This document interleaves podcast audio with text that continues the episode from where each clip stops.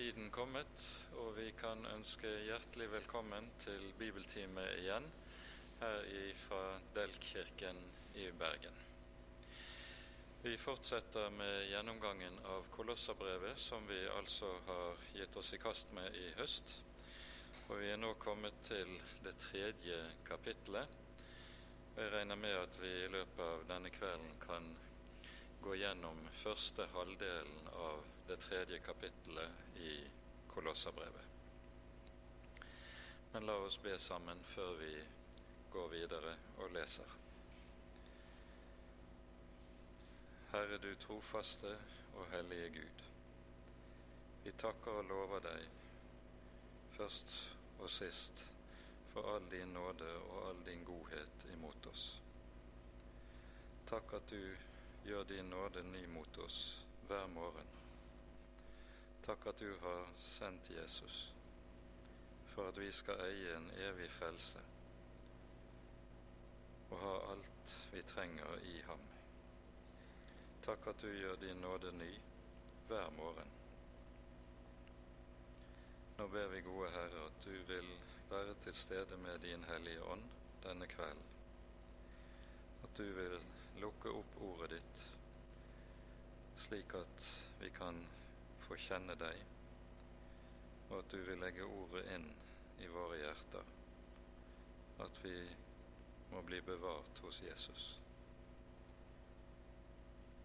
Det ber vi, Herre, i ditt eget hellige navn.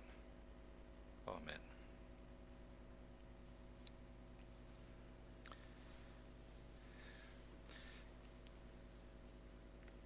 I Faderens, Sønnens og Den hellige ånds navn. Når vi nå begynner på det tredje kapittelet i Kolosserbrevet, så begynner vi på den delen av brevet som gjerne kalles for den formanende del av brevet. De to første kapitlene er i hovedsak læremessige, undervisende kapitler, mens fra kapittel 3a og et stykke ut i kapittel 4 så møter vi ulike formaninger der det handler om hvorledes det kristne liv skal utforme seg. Det er likevel ikke noen eh, klar skillelinje mellom eh, lære og formaning i Paulus sine brev. Midt inn i lærende avsnitt kan du høre, få høre ting som går direkte på det kristne livet.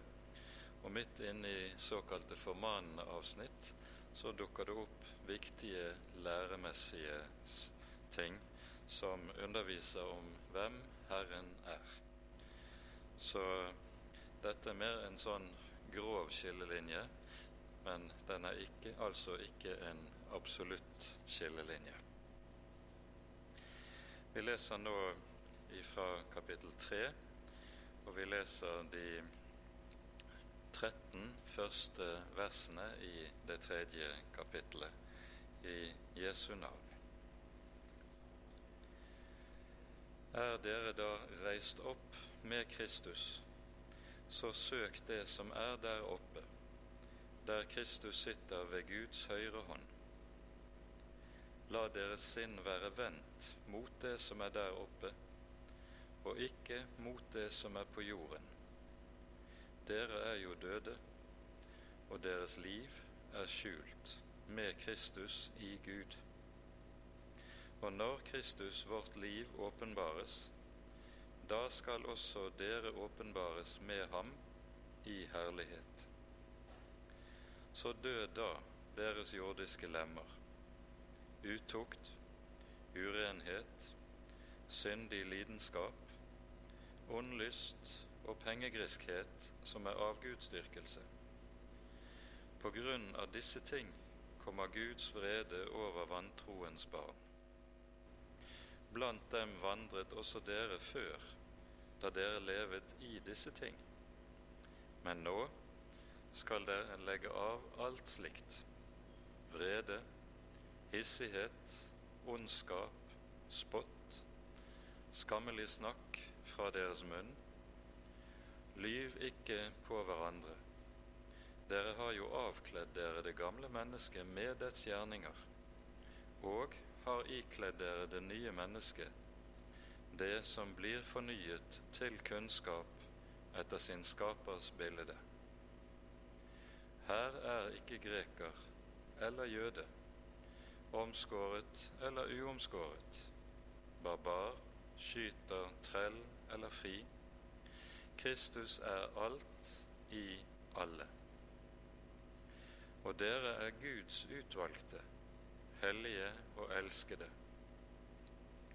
Ikle dere da inderlig barmhjertighet, godhet, ydmykhet, beskjedenhet og tålmodighet, så dere tåler hverandre og tilgir hverandre dersom en skulle ha noe å anklage en annen for. Like som Kristus har tilgitt dere, skal også dere tilgi hverandre.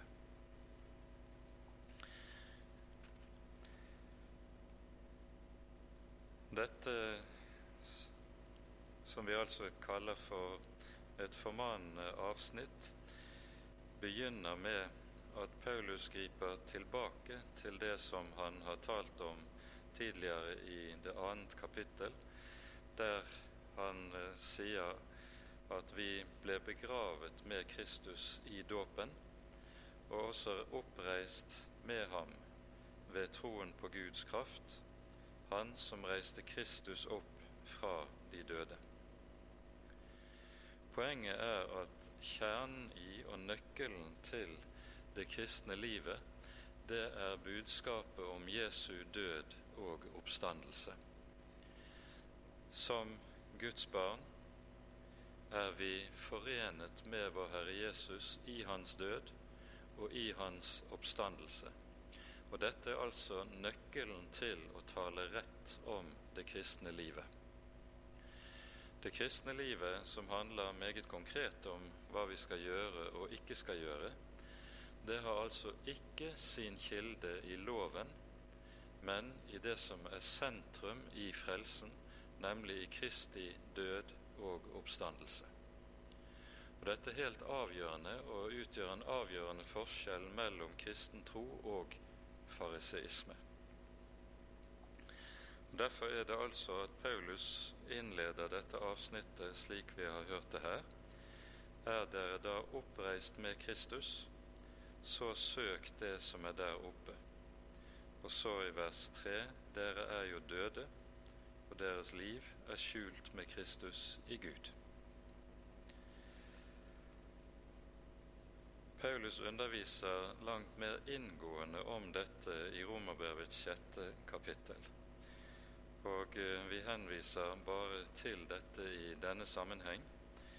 Eh, I det hele tatt tror jeg vi med full rett kan si at nøkkelen til å tale rett om det kristne livet, det er å finne i to særlige avsnitt i Den hellige skrift, nemlig Romerbrevets sjette kapittel og Johannesevangeliets femte kapittel, der Jesus taler om vintreet og grenene, og der ordene meg', Jesu ord 'bli i meg', det er nøkkelen til alt annet i det kristne livet.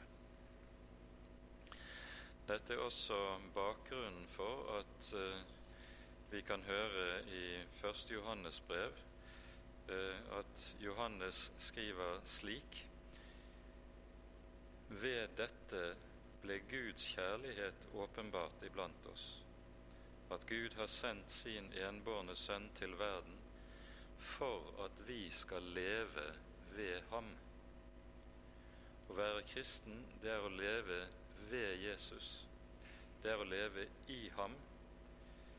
Det er altså tale om et livs fellesskap med vår Herre Jesus Kristus og av dette livsfellesskapet springer alt annet ut. Og når vi blir i Han, så blir Han i oss og utfolder sitt liv igjennom oss. Og så er det Paulus da til dette knytter ordene 'søk det som er der oppe', der Kristus sitter ved Guds høyre hånd. La deres sinn være vendt mot det som er der oppe, ikke mot det som er på jorden. Når eh, rabbinerne utlegger det første verset i vår bibel, Første Mosebok 1.1, der det står i begynnelsen skapte Gud himmelen og jorden, så hører vi at det er en av de lærde som blir spurt av sine disipler hvorfor står himmelen først? At Gud skaper himmelen først, og så deretter jorden. Hvorfor ikke omvendt? Jo, svarer den lærde, det er fordi som en vis byggmester alltid gjør, så legger han grunnvollen først før han bygger huset. Himmelen er grunnvollen for jorden, og slik er det i sannhet her med det som vi hører om livet her nede. Det springer ut av å ha sinnet rettet den rette veien. For der sinnet er rettet på det som er der oppe, slik Paulus sier det, mot det vi eier i Kristus. På den måten lever vi rett som kristne her i verden. På den måten så helliges livet her nede. Dette er poenget. Og sammen med dette hører altså det at vårt liv er i Kristus. Jesus er vårt liv. I Salme 36 synger David Hos deg er livets kilde, i ditt lys ser vi lys. Livets kilde ligger ikke i vårt eget bryst, det ligger i Herren. Det ligger utenfor oss, og det er noe som kommer til oss utenfra når vi lærer ham å kjenne og har blikket rettet mot ham. Det er også dette vi hører om i Hebreabrevets tolvte kapittel, der eh, vi leser følgende Så la oss da derfor, da vi har så stor en sky av vitner omkring oss, legge av alt som tynger, og synden som henger så fast ved oss, og løpe med tålmodighet i den kamp vi har foran oss. Hvordan legger vi det av oss? Jo, vi regner dette som noe som er dødt og begravet med vår Herre Jesus. Det ligger i hans grav. Og så skal vi løpes, hører vi videre, med tålmodighet i den kamp som ligger foran oss, med blikket festet på Jesus, som er troens opphavsmann og fullender. For å oppnå den gleden som ventet ham, led han tålmodig korset, uten å akte vanæren, og har nå satt seg på høyre side av Guds trone. Ja, gi akt på ham, som utholdt en slik motstand fra syndere, for at dere ikke skal gå trett i deres sjeler og bli motløse. Hvordan gir en kristen akt på Jesus? Hvordan fester en kristen blikket på det som er der oppe? Det gjør han bare på én måte. Ikke gjennom en eller annen form for meditasjon der han synker inn i sitt eget hjerte. Men det gjør han ved å rette blikket på de løfter Gud har gitt oss i sitt ord, på det evangelium som lar oss lære Jesus å kjenne. Det er ved å ha blikket festet på Jesus i Ordet at vi også har blikket vendt mot det som er der oppe, slik som uh, apostelen taler om det. Og Da kan vi i denne sammenheng også minne om ordene i Salme 119 vers 89. Til evig tid, Herre, står ditt ord fast i himmelen. i himmelen. Alt som er her på jorden, det omskiftes. Intet av det som er her på jorden, står fast. Det er kun det som er i himmelen hos den allmektige. Det er kun det som står fast, men det står også fast til evig tid. Når Paulus taler om det vi her hører i eh, det tredje kapittelet i Kolossabrevet, så må vi også minne om to vers fra Efeserbrevet. Efeserbrevet ble jo skrevet omtrent samtidig med Kolossabrevet, så vi møter mye av de samme temaene i Efeserbrevet som vi møter i Kolossabrevet men i Efeserbrevet ofte mer er det slik at Paulus går mer grundig inn i en del hovedsaker. Til det som vi her taler om, minner vi om ordet i det tredje verset i det første kapittelet i Efeserbrevet. Her sies det:" Lovet være Gud, vår Herre Jesu Kristi Far, Han som har velsignet oss med all åndelig velsignelse i himmelen i Kristus. Vi har altså all åndelig velsignelse gitt oss i himmelen i Kristus. Vi har det ikke på jorden slik at det er noe som er synlig, men det er noe som er gitt oss i himmelen, og som vi derfor eier i troen. Dette verset det rommer uendelig mye. Paulus sier altså all åndelig velsignelse.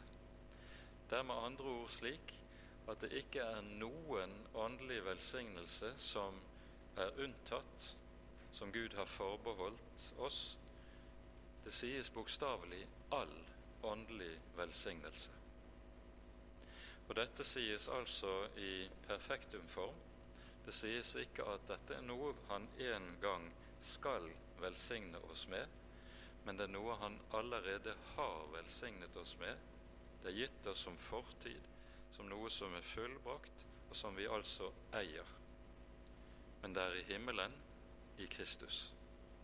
Og Derfor er det noe vi ikke ser, det er noe som vi eier i troen. Og så er det at troens øye da må åpnes for å kunne se dette. Og nettopp det er det apostelen Paulus ber om litt lenger ute i det første kapittelet, der vi hører forbønnen hans for menigheten.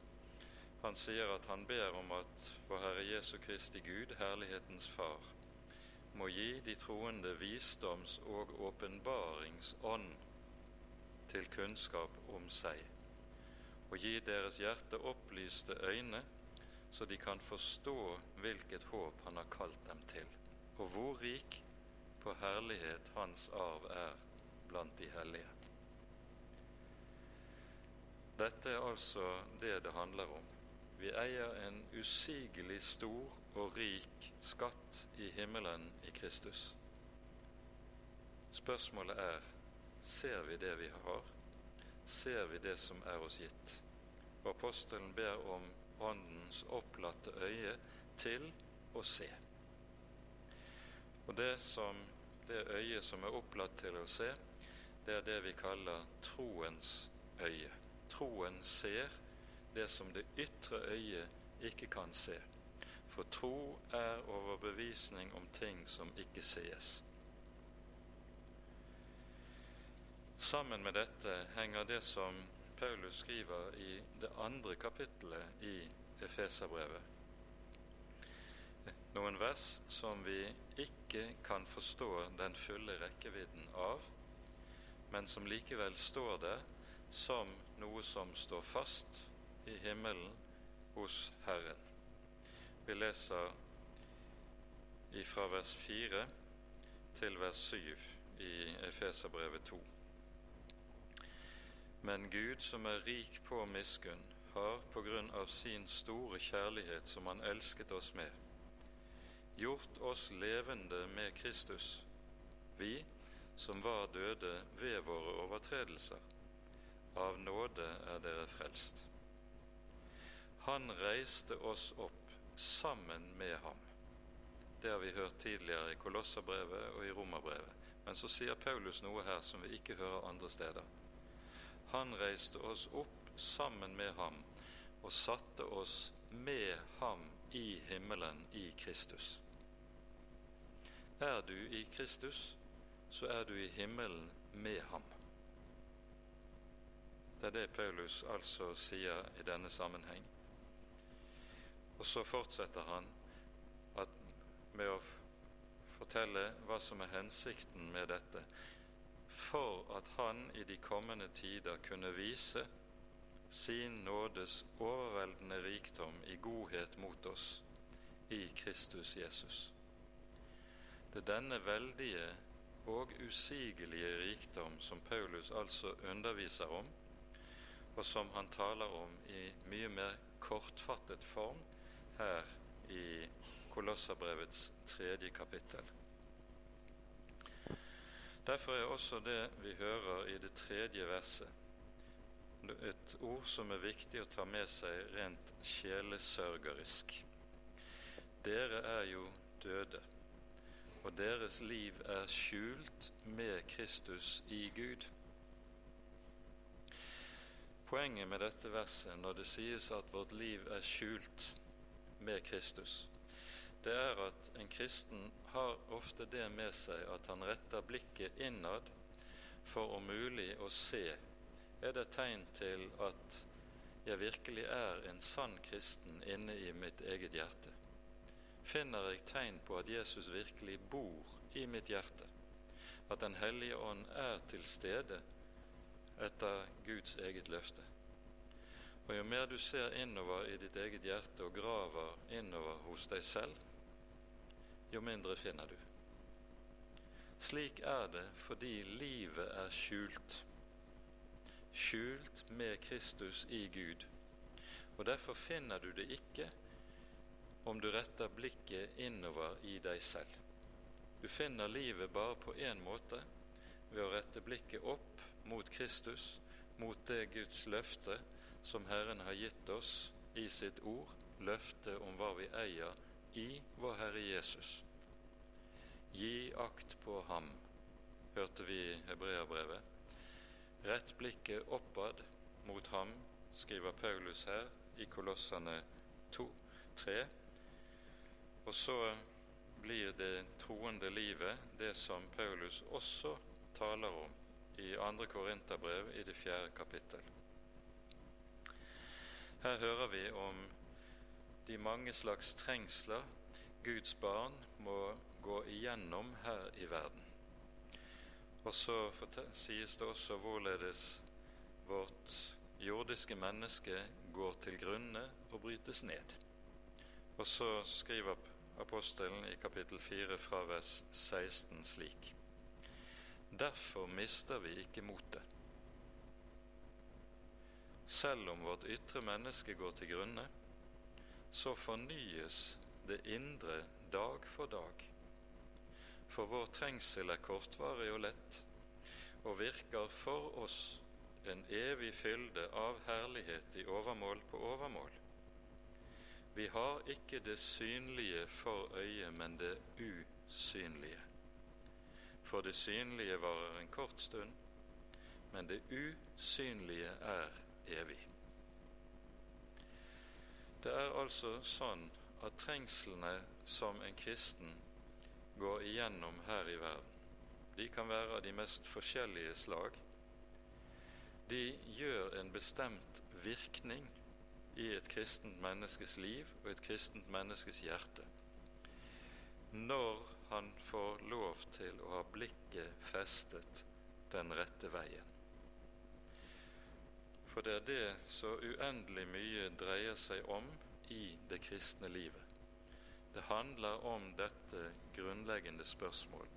Hva er øyet mitt rettet mot? Hva er blikket mitt rettet mot? Hva blikket er rettet mot, det avgjør om jeg har håp eller mismot, om jeg kan være frimodig eller mistrøstig. hva blikket er rettet mot, det bestemmer den, den troens frimodighet som vi her taler om, og så knytter det frem imot det som er håpet. Og Det er nettopp det som Paulus så går videre med i det fjerde verset, når han sier når Kristus vårt liv åpenbares.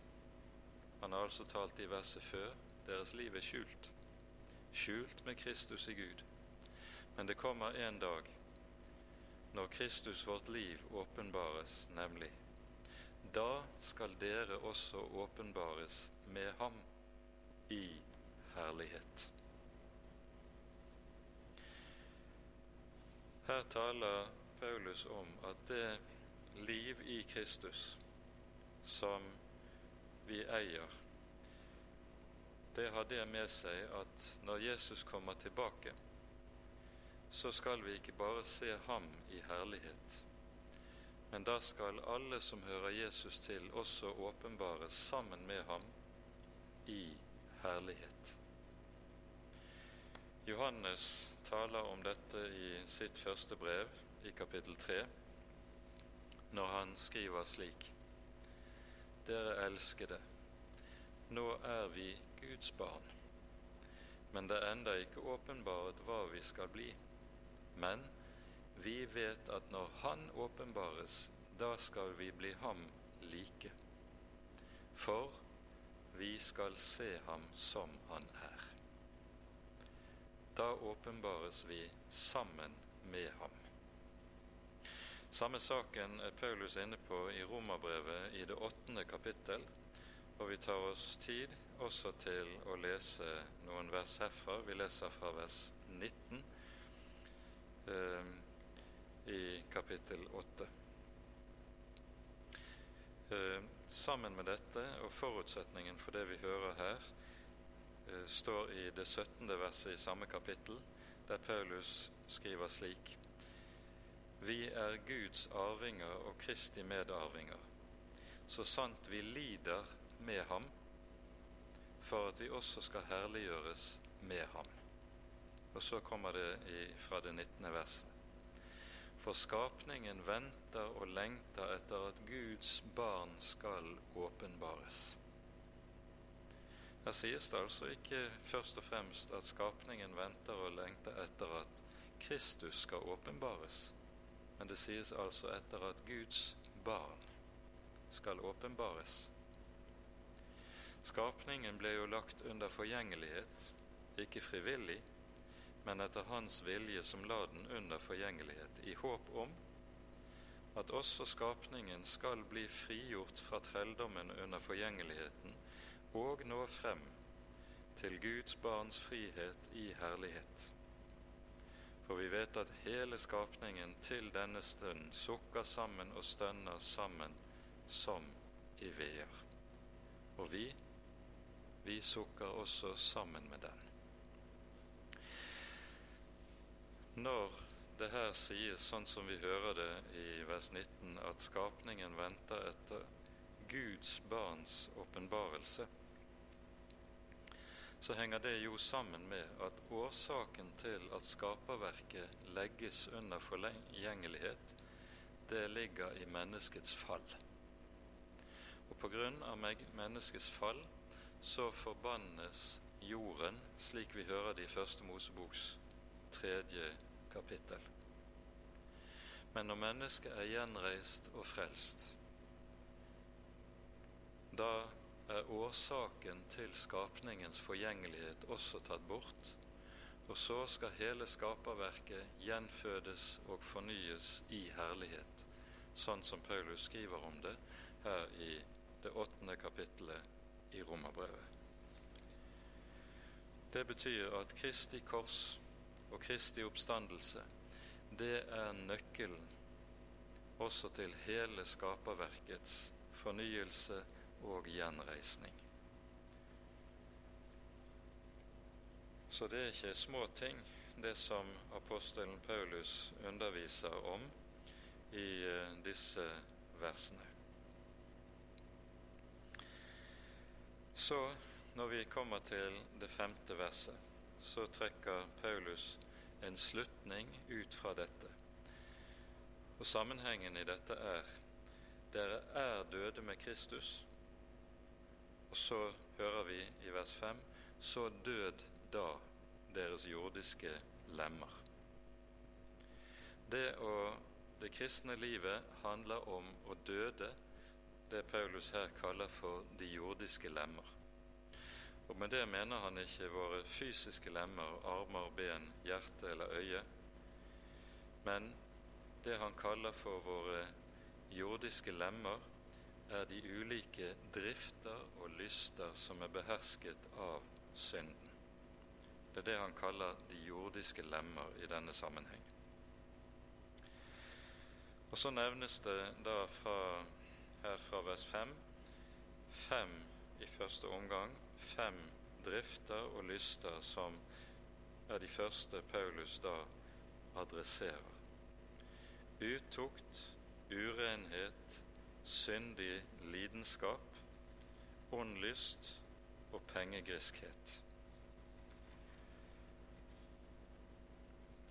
Her siktes det til de to hovedsyndene som står aller sterkest blant menneskene, nemlig de seksuelle synder og det som har med mammon å gjøre. Det som er oversatt med pengegriskhet her, det ble kalt for havesyke i de eldre bibeloversettelsene. Det greske ordet betyr bokstavelig 'ha mer syke'. Den som er havesyk eller grisk, han får aldri nok. Han skal stadig ha mer, han skal stadig ha mer. Og dette er noe som Den hellige skrift jo advarer uhyre ofte imot. Jesus kaller dette for å dyrke mammon, som jo er en avgud. Pengene kan veldig fort komme til å innta våre hjerter på en sånn måte at det ikke er vi som eier pengene, men pengene som eier oss. Og da er, da er mammon blitt en avgud. Og dette er noe en kristen skal ta seg nøye i vare for.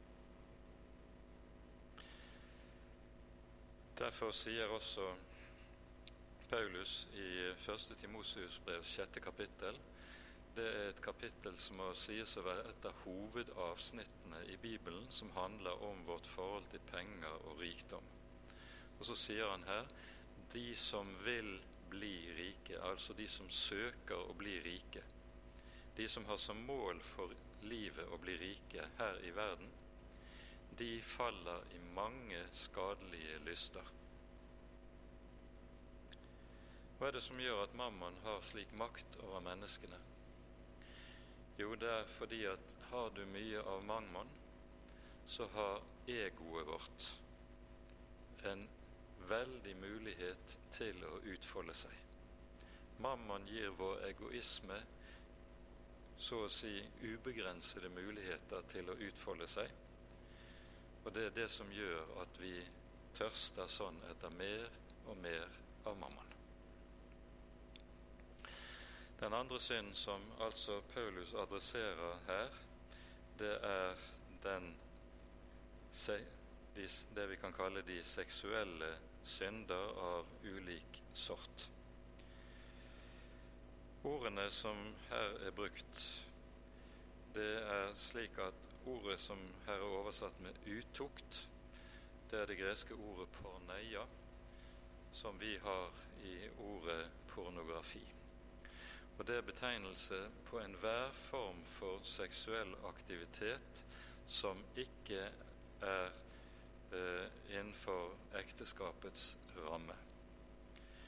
I og med skapelsen og skapelsens ordning så har Gud gitt ekteskapet som ramme om utfoldelsen av det seksuelle samliv. Men seksualdriften er noe som ofte løper løpsk med mennesker, og som mennesker gjerne ønsker å slippe løs også. Ikke minst ser vi i vår bibel at to ting veldig ofte går hånd i hånd og nærmest er uatskillelige. Det er avgudsdyrkelse og løssluppenhet på det seksuelle området. De to tingene går ofte hånd i hånd. Ikke minst ser du dette meget tydelig i Det gamle testamentet. I det gresk-romerske riket, som er den samtid som Paulus skriver inn i, så ble det å utfolde sine seksuelle drifter sett på som helt naturlig. Det var ikke skambelagt å gå på eh, horehus, f.eks. Det var en helt naturlig sak. Eh, og det å skifte ektefelle, det gikk eh, Det var noe som så å si gikk som en serie gjennom livet. At to levet sammen et helt liv, det hørte til unntakene i datiden. Og når Tertulian 250 år senere beskriver de kristne til forskjell fra det som var vanlig i Romerriket, så skriver han følgende De kristne har alt felles unntatt sine hustruer. Hedningene har intet felles unntatt sine hustruer. Med dette settes det fingeren på både forholdet til penger og eiendom og forholdet til seksualiteten. Vi har jo mer enn gang de siste 50 årene fått høre i Den kristne kirke at Kirken er så seksualfiksert. Det er ikke riktig. Det er samfunnet vårt som er ekstremt seksualfiksert. Og fordi dette er blitt sånn i det moderne samfunnet som er falt bort fra kristen tro, er det også helt nødvendig for den kristne menighet å veilede i hva som er kristen samlivsetikk, hvorledes vi skal leve sammen på dette området som har med kjønnslivet å gjøre. For en kristen skal ikke følge med strømmen, aller minst på det området som vi her er inne på. Alvoret i dette, det peker Paulus på i det neste verset. Han sier på grunn av disse ting kommer Guds vrede over vantroens barn. Paulus taler altså om Guds vrede. Det er noe som vi hører om i en rekke sammenhenger i vår bibel. Og med dette tenkes det på dommens dag, den dom som Herren en dag skal iverksette når alle folkeslag samles for Hans ansikt. Da sier Jesus i den store domslignelsen i Matteusevangeliets 25. kapittel da skal folkeslagene samles for hans ansikt, og han skal skille dem som hyrden skiller fårene fra geitene. Fårene skal stilles ved den høyre side, geitene ved den venstre. Og til de ved den høyre side skal han si, Kom hit, dere min Faders velsignede, og ta i arv det riket som er beredt dere fra verdens grunnvoll ble lagt. Til de som står på venstre side, skal det lyde et helt annet ord. Vik fra meg, dere som er forbannet, til den evige ild, som er beredt for djevelen og hans engler. Det er et enten-eller i dette som både vår Herre Jesus underviser om, og som hans apostler også underviser om. I dag liker ikke folk å høre om dette. De ønsker å ha en Gud som er bare kjærlighet, og som, ikke, som man ikke skal stå til regnskap for, som man ikke skal svare ansvar for sitt liv. Men en slik Gud er en innbilning. Det er ikke den virkelige Gud. Bibelens Gud er den hellige Gud, som også er en dommens Gud. Og selv om Bibelens budskap og hovedbudskap er budskapet om frelse, så er bakteppet jo nettopp dette at Gud også er en dommens Gud. Dette er sammenfattet i den lille Bibel. Så har Gud elsket verden, at han ga sin sønn den enbårne, for at hver den som tror på ham, ikke skal gå fortapt, men ha evig liv. Dette ble, ordet ble tatt inn i vigselsliturgien i Den norske kirke i 2002.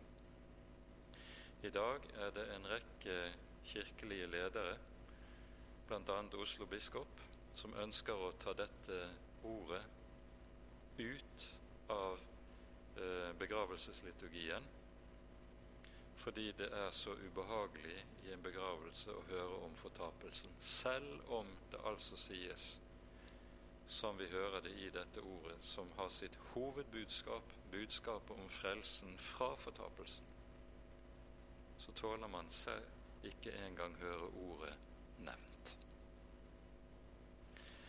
Dette sier en god del om dagens situasjon, men Gud forandrer seg ikke, og menneskene misliker å høre det ene eller det annet. Han er den samme. Han er den hellige og den kjærlige og nådige og barmhjertige. Han er begge deler. Og det å være en kristen, det er å la Gud få lov til å være Gud. La Gud få være den han er, uten å prøve å forandre på det Skriften har åpenbart om hvem han er. Så fortsetter Paulus i det neste verset med å si blant dem, altså de som levet sånn som vi hørte det i vers 5, blant dem vandret også dere før da dere levet i disse ting. Vi har tidligere i Kolosserbrevet hørt Paulus et par ganger vise til den store forskjellen. Det var et før, og det er et nå i det kristne liv. Et før da de som hører menigheten til, levet i synden, men et nå der de er blitt frelst fra synden og lever i Kristus. Men nå, sier Paulus, nå skal dere legge av alt slikt. Og så kommer i vers 8 en opplistning av fem synder til. Femtallet går igjen i disse versene. Og her nevner han vrede, hissighet, ondskap, spott, skammelig snakk fra deres munn, lyv ikke på hverandre. Dere har jo avkledd dere det gamle mennesket med dets gjerninger. Det vi legger merke til i disse versene, både det vi leste fra vers 5 og her, det er at Paulus først og fremst omtaler de syndige lyster. Disse vil alltid redusere i ulike syndige eller onde handlinger, men det Paulus peker på og adresserer, det er altså lystene. Og Bakgrunnen for det, det er jo det som Jesus sier i Matteusevangeliets 15. kapittel, der han sier 'fra hjertet kommer' onde tanker, mord, hor, ekteskapsbrudd osv. Det er dette som gjør mennesket urent, ikke om det spiser med uvaskede hender, som jo var foranledningen til undervisningen i kapittel 15. De onde kilder, det er begjæret som ligger i våre egne hjerter. Og at et menneske lar være å gjøre onde ytre handlinger, det forandrer ikke hjertet. Hjertet er og blir det samme. For Bibelens tenkning om mennesket er jo slik som Jesus underviser om, bl.a. i Matteus 12. Slik som treet er, slik blir frukten. Er treet dårlig, så blir frukten dårlig. Er treet godt, så blir frukten god. Og dette handler jo da om at de onde handlinger, den dårlige frukt, det er noe som kommer rett og slett fordi hjertet er sånn som det er. Det er ikke slik at vi er syndere fordi vi gjør synd, men det er motsatt.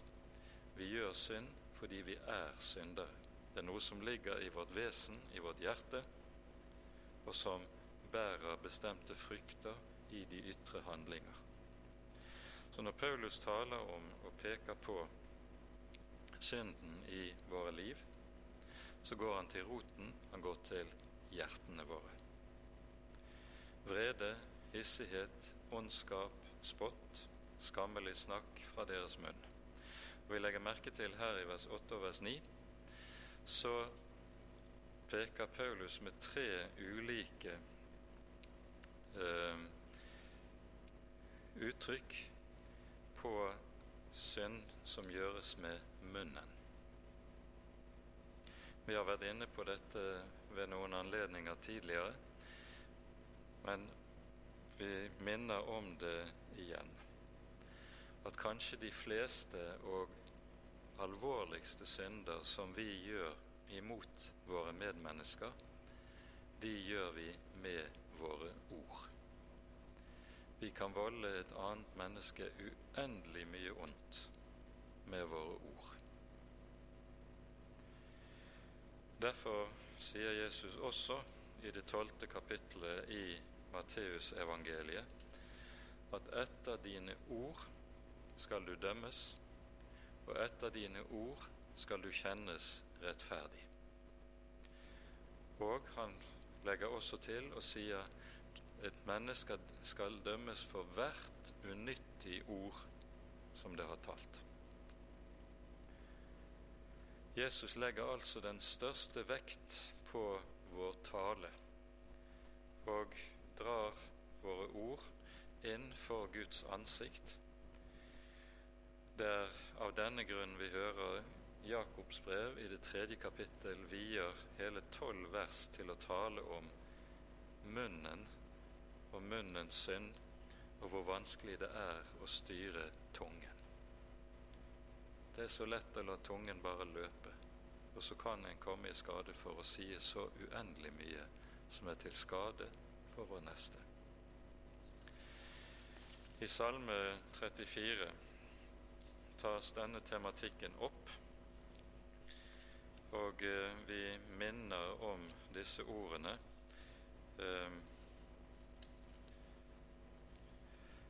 Det står slik i Salme 34 fra vers 13.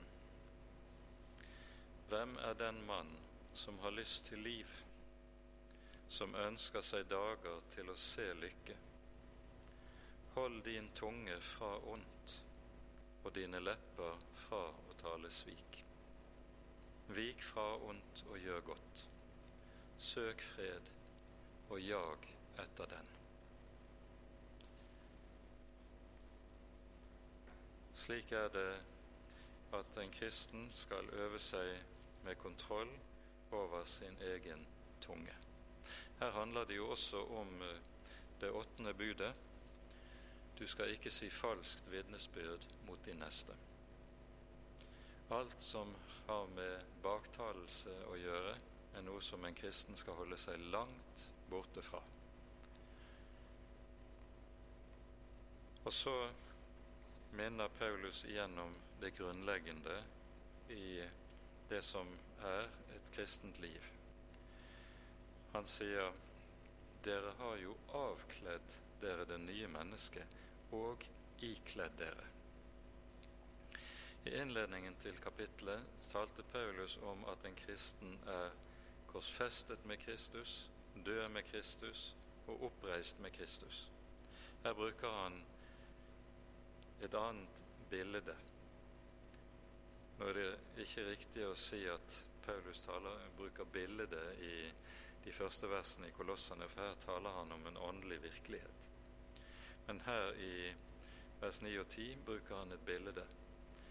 Vi kler så å si det gamle mennesket av oss, sånn som du tar av, oss, av deg en frakk, og så kler du på deg det nye mennesket, som er dypest sett er Kristus selv. Dere har ikledd dere det nye mennesket, som blir fornyet til kunnskap etter sin skapers bilde. Og igjen møter vi en tanke som er viktig i Paulus sine brev. Når han taler om skaperens bilde, så viser han jo tilbake til det som sies om skapelsen i Første Moseboks første kapittel, nemlig at Gud skaper mennesket i sitt bilde og etter sin lignelse. I og med fallet så ødelegges gudsbildet hos oss. Men det som skjer med frelsen, det er at gudsbildet fornyes og gjenreises. Og det det betyr, det er at i og med gjenløsningen i vår Herre Jesus Kristus, så blir hvert menneske til det som det var skapt til å være. Frelsen gjør, og forløsningen gjør altså ikke en kristen til et unaturlig menneske. Et unaturlig menneske er jo en som er annerledes enn det han prøver å opptre annerledes enn det han egentlig er. Men Frelsen gjør et menneske i ordets egentlige forstand naturlig. For i og med gjenløsningen blir du det du er skapt til å være fra begynnelsen av. Du fornyes til Guds bilde. Og på denne måten kan du leve rett også i den verden som Gud har satt oss inn i. Han sier, bruker også to andre uttrykk som er viktige å merke seg i denne sammenheng. For det første sies det at vi fornyes til kunnskap etter skaperens bilde.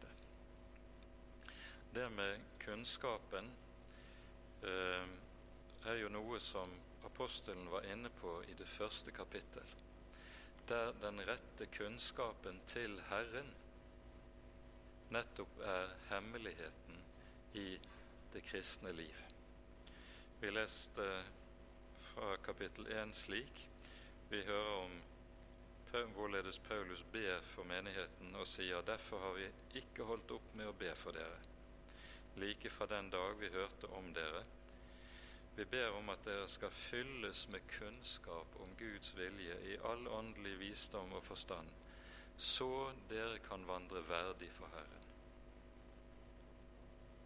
Til behag for Ham i alle ting, bærer frukt og vokser i all god gjerning ved kunnskapen om Gud.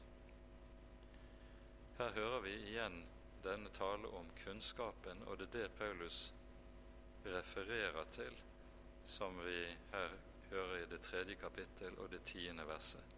Fornyes til kunnskap. Og så bruker han begrepet 'fornyes'. Det kristne liv er nettopp et liv som, lik alt liv, må fornyes. Det kristne liv er ikke en ting så når du har laget den, så er den ferdig, og så står den der og forblir seg selv lik eh, så fremt ingen kommer og ødelegger den. Alt liv trenger næring for å fornyes. Alt liv trenger vann for å fornyes. Og det vann og den næring som vi trenger, den kommer til oss gjennom evangeliet, budskapet om Jesus i Ordet. I Salme 51 hører vi David be slik. Gud, skap i meg et rent hjerte, og forny en stadig ånd inni meg. En stadig ånd, det er en ånd som er stødig, det er en ånd som ikke vakler hit og dit, fra det ene til det andre, rastløst og urolig, rotløst, som mange mennesker er det. en stødig ånd, den rotfestes, den blir fast gjennom fornyelse. David ber i Salme 37 Herren om at han skal gjøre hans trinn faste. Og det at Herren gjør mine trinn faste, nemlig på sin egen vei, det er noe som bare kan skje gjennom at han fornyer oss i troen. Det gjør han ved å gjøre sin nåde ny mot oss hver morgen. Det gjør han ved å gi oss mat av ordet hver morgen. Det gjør han ved å gi oss syndenes forlatelse hver morgen i det som vi kaller for den daglige omvendelse. Dette er den fornyelse som en kristen alltid skal leve i, og slik også vil rotfestes og grunnfestes.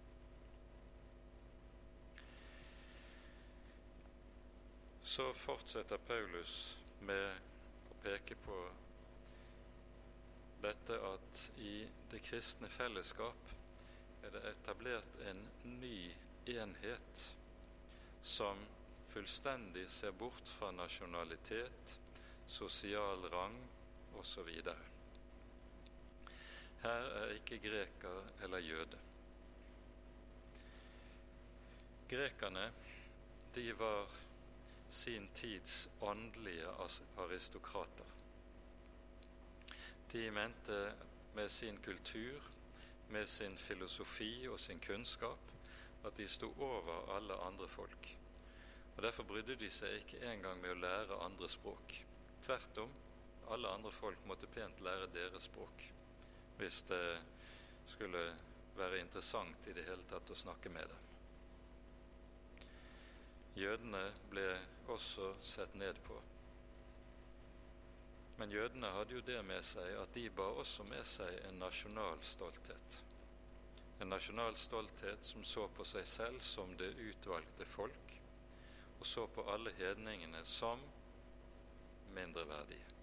Og Da brukte en et eget ord om hedningene, goyim, som er et sterkt nedlastende eller belastende ord i denne sammenheng. Men her er det ingen som har anledning til å være stor på det. I Kristus er alle like og likeverdige. Her er ikke omskåret eller uomskåret. Her er ikke barbar eller skyter. Barbar, det var grekernes navn på alle folkeslag som ikke var grekere eller romere, og som følgelig ble satt ned på. Deres språk bestod i at de sa bar, bar, bar, bar. Det var ubegripelig. Det var ingenting fornuftig å få fra slike folk.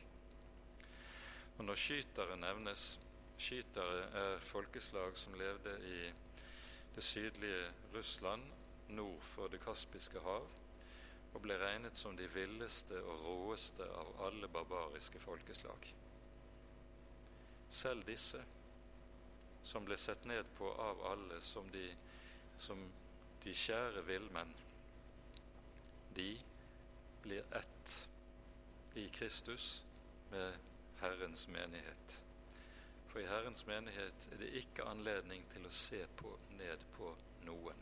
Man blir ikke like, men man blir ett. Man blir like verdige. Fordi man lærer å se at like som Gud har skapt hvert menneske i sitt bilde, så har den Herre Jesus også lidd døden for hvert menneske. Han har lidd døden for greker og for jøde for omskåret og uomskåret, barbar, skyter, trell og fri. Det siste som nevnes, er altså forskjellen mellom trell og fri. Trellene ble ikke tilregnet menneskeverd i datiden. Trellene, slavene, var sett på som en ting. Du, man eide en bok, man eide en tallerken, man eide en kniv, det var en ting som man kunne gjøre hva man ville med. Hadde man lyst til å banke opp trælen, så gjorde man det. Hadde man lyst til å drepe trælen, så gjorde man det. For trælen hadde ingen annen verdi, større verdi enn en ting. Men i Kristus får trælen samme verdi som hvert annet menneske.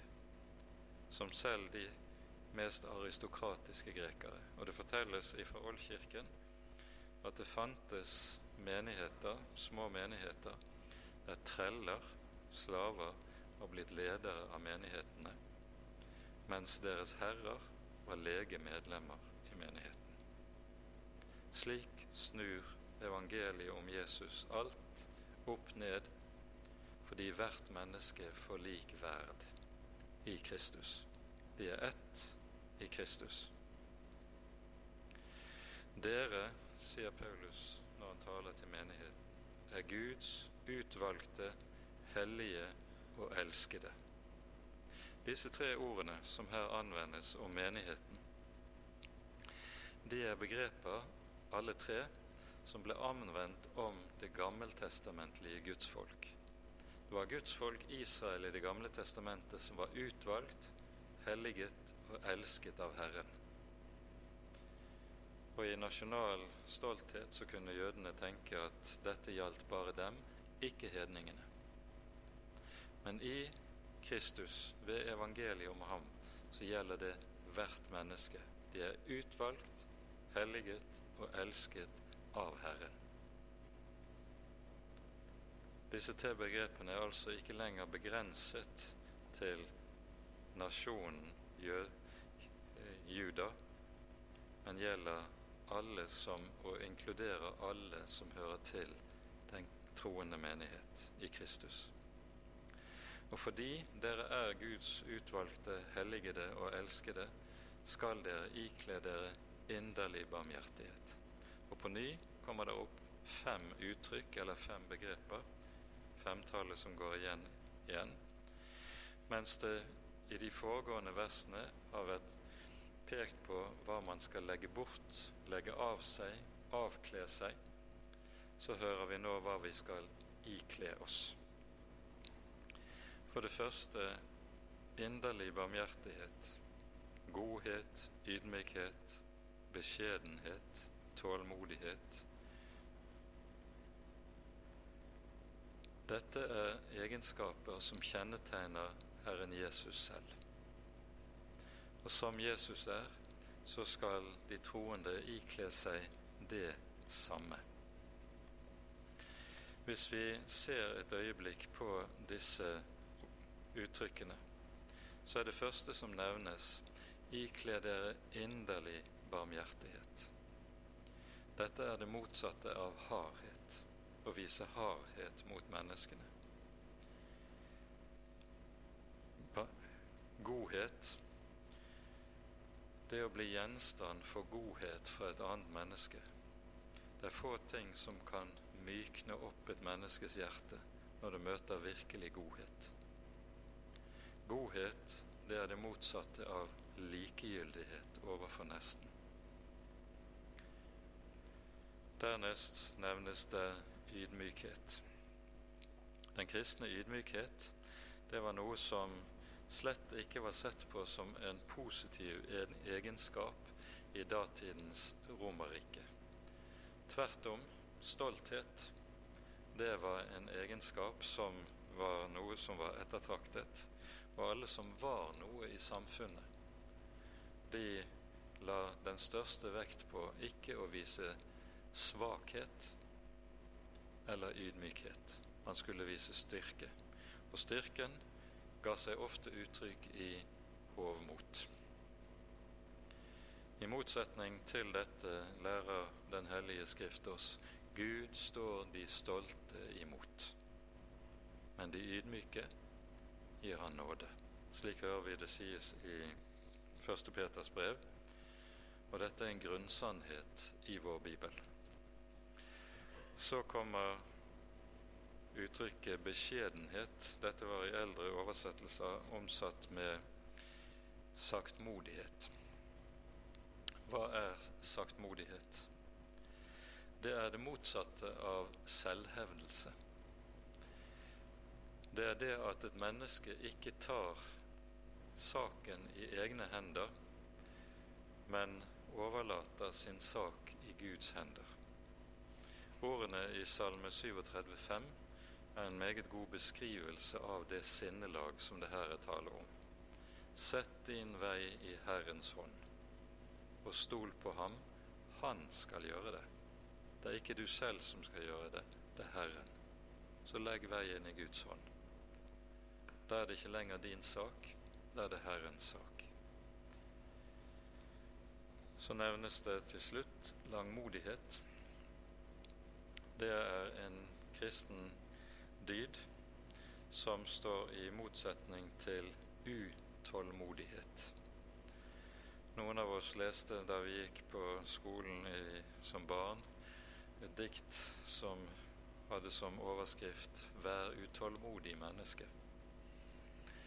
Det er det motsatte det altså dreier seg om her. Tålmodighet den ytrer seg i forhold til to ulike forhold i livet. For det første i forhold til andre mennesker. Andre mennesker er slett ikke alltid greie å ha med å gjøre.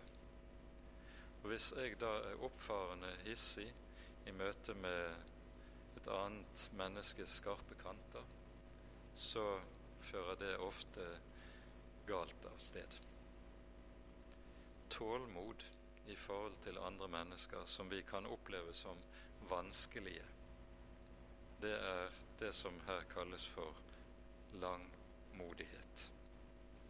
Det andre livsområdet det dreier seg om, er i forhold til trengsler. Når det utsettes for trengsler, lidelser og vansker, kanskje forfølgelse for Jesu Kristi skyld, så handler det om å lære seg tålmodighet. Det handler om at når ting blir tungt og vanskelig i livet, da legger jeg saken frem for Herren, og så bier jeg på Herren. Tålmodigheten har det med seg at den bier på Herren. Og vi minner om ordene i Salme 37, 27, unnskyld. Bi på Herren, vær ved godt mot, og ditt hjerte være sterkt. Ja, bi på Herren. Dette verset beskriver godt hva den kristne tålmodighet i nød og trengsel dreier seg om. Og så kommer det i det neste verset hvorledes Kristi sinn skal råde hos oss. Like som Kristus har tilgitt deg, skal du tilgi din neste, din bror. Dere skal tilgi hverandre. Og her er jo Jesu lignelse om den ubarmhjertige medtjener i Matteusevangeliets 18. kapittel, så å si grunnteksten til å undervise om hva det dreier seg om. Den ubarmhjertige medtjener hadde fått ettergitt en enorm gjeld, en gjeld som han aldri ville vært i stand til å kunne betale og så i sin godhet ettergir Herren ham alt. Da er tjeneren også skyldig til å tilgi sin medtjener. Og det er dette sinn som er Kristi sinn, og som skal kjennetegne Guds folk og Guds menighet. Kjennetegne det fellesskapet der vi er ett i Kristus ikke jøde eller greker, omskåret eller uomskåret, barbar eller skyter, trell eller fri. Her er vi ett i Herren, og denne enhet skal komme til uttrykk i og styrkes gjennom et slikt sinnelag. Med det har vi kommet til det 13. verset, og vi setter med det også punktum for kveldens bibeltime. Så skal, tar vi for oss siste halvdel av kapittelet neste gang, bibeltimen om to uker herfra. Ære være Faderen og Sønnen og Den hellige ånd, som var og er og være skal, en sann Gud, høylovet i evighet. Amen. La oss sammen be Herrens bønn. Vår Far i himmelen.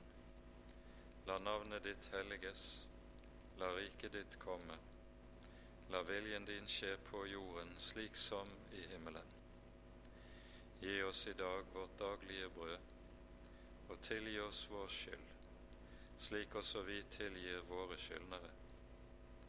Og la oss ikke komme i fristelse, men frels oss fra det onde. For riket er ditt, og makten og æren i evighet. Amen.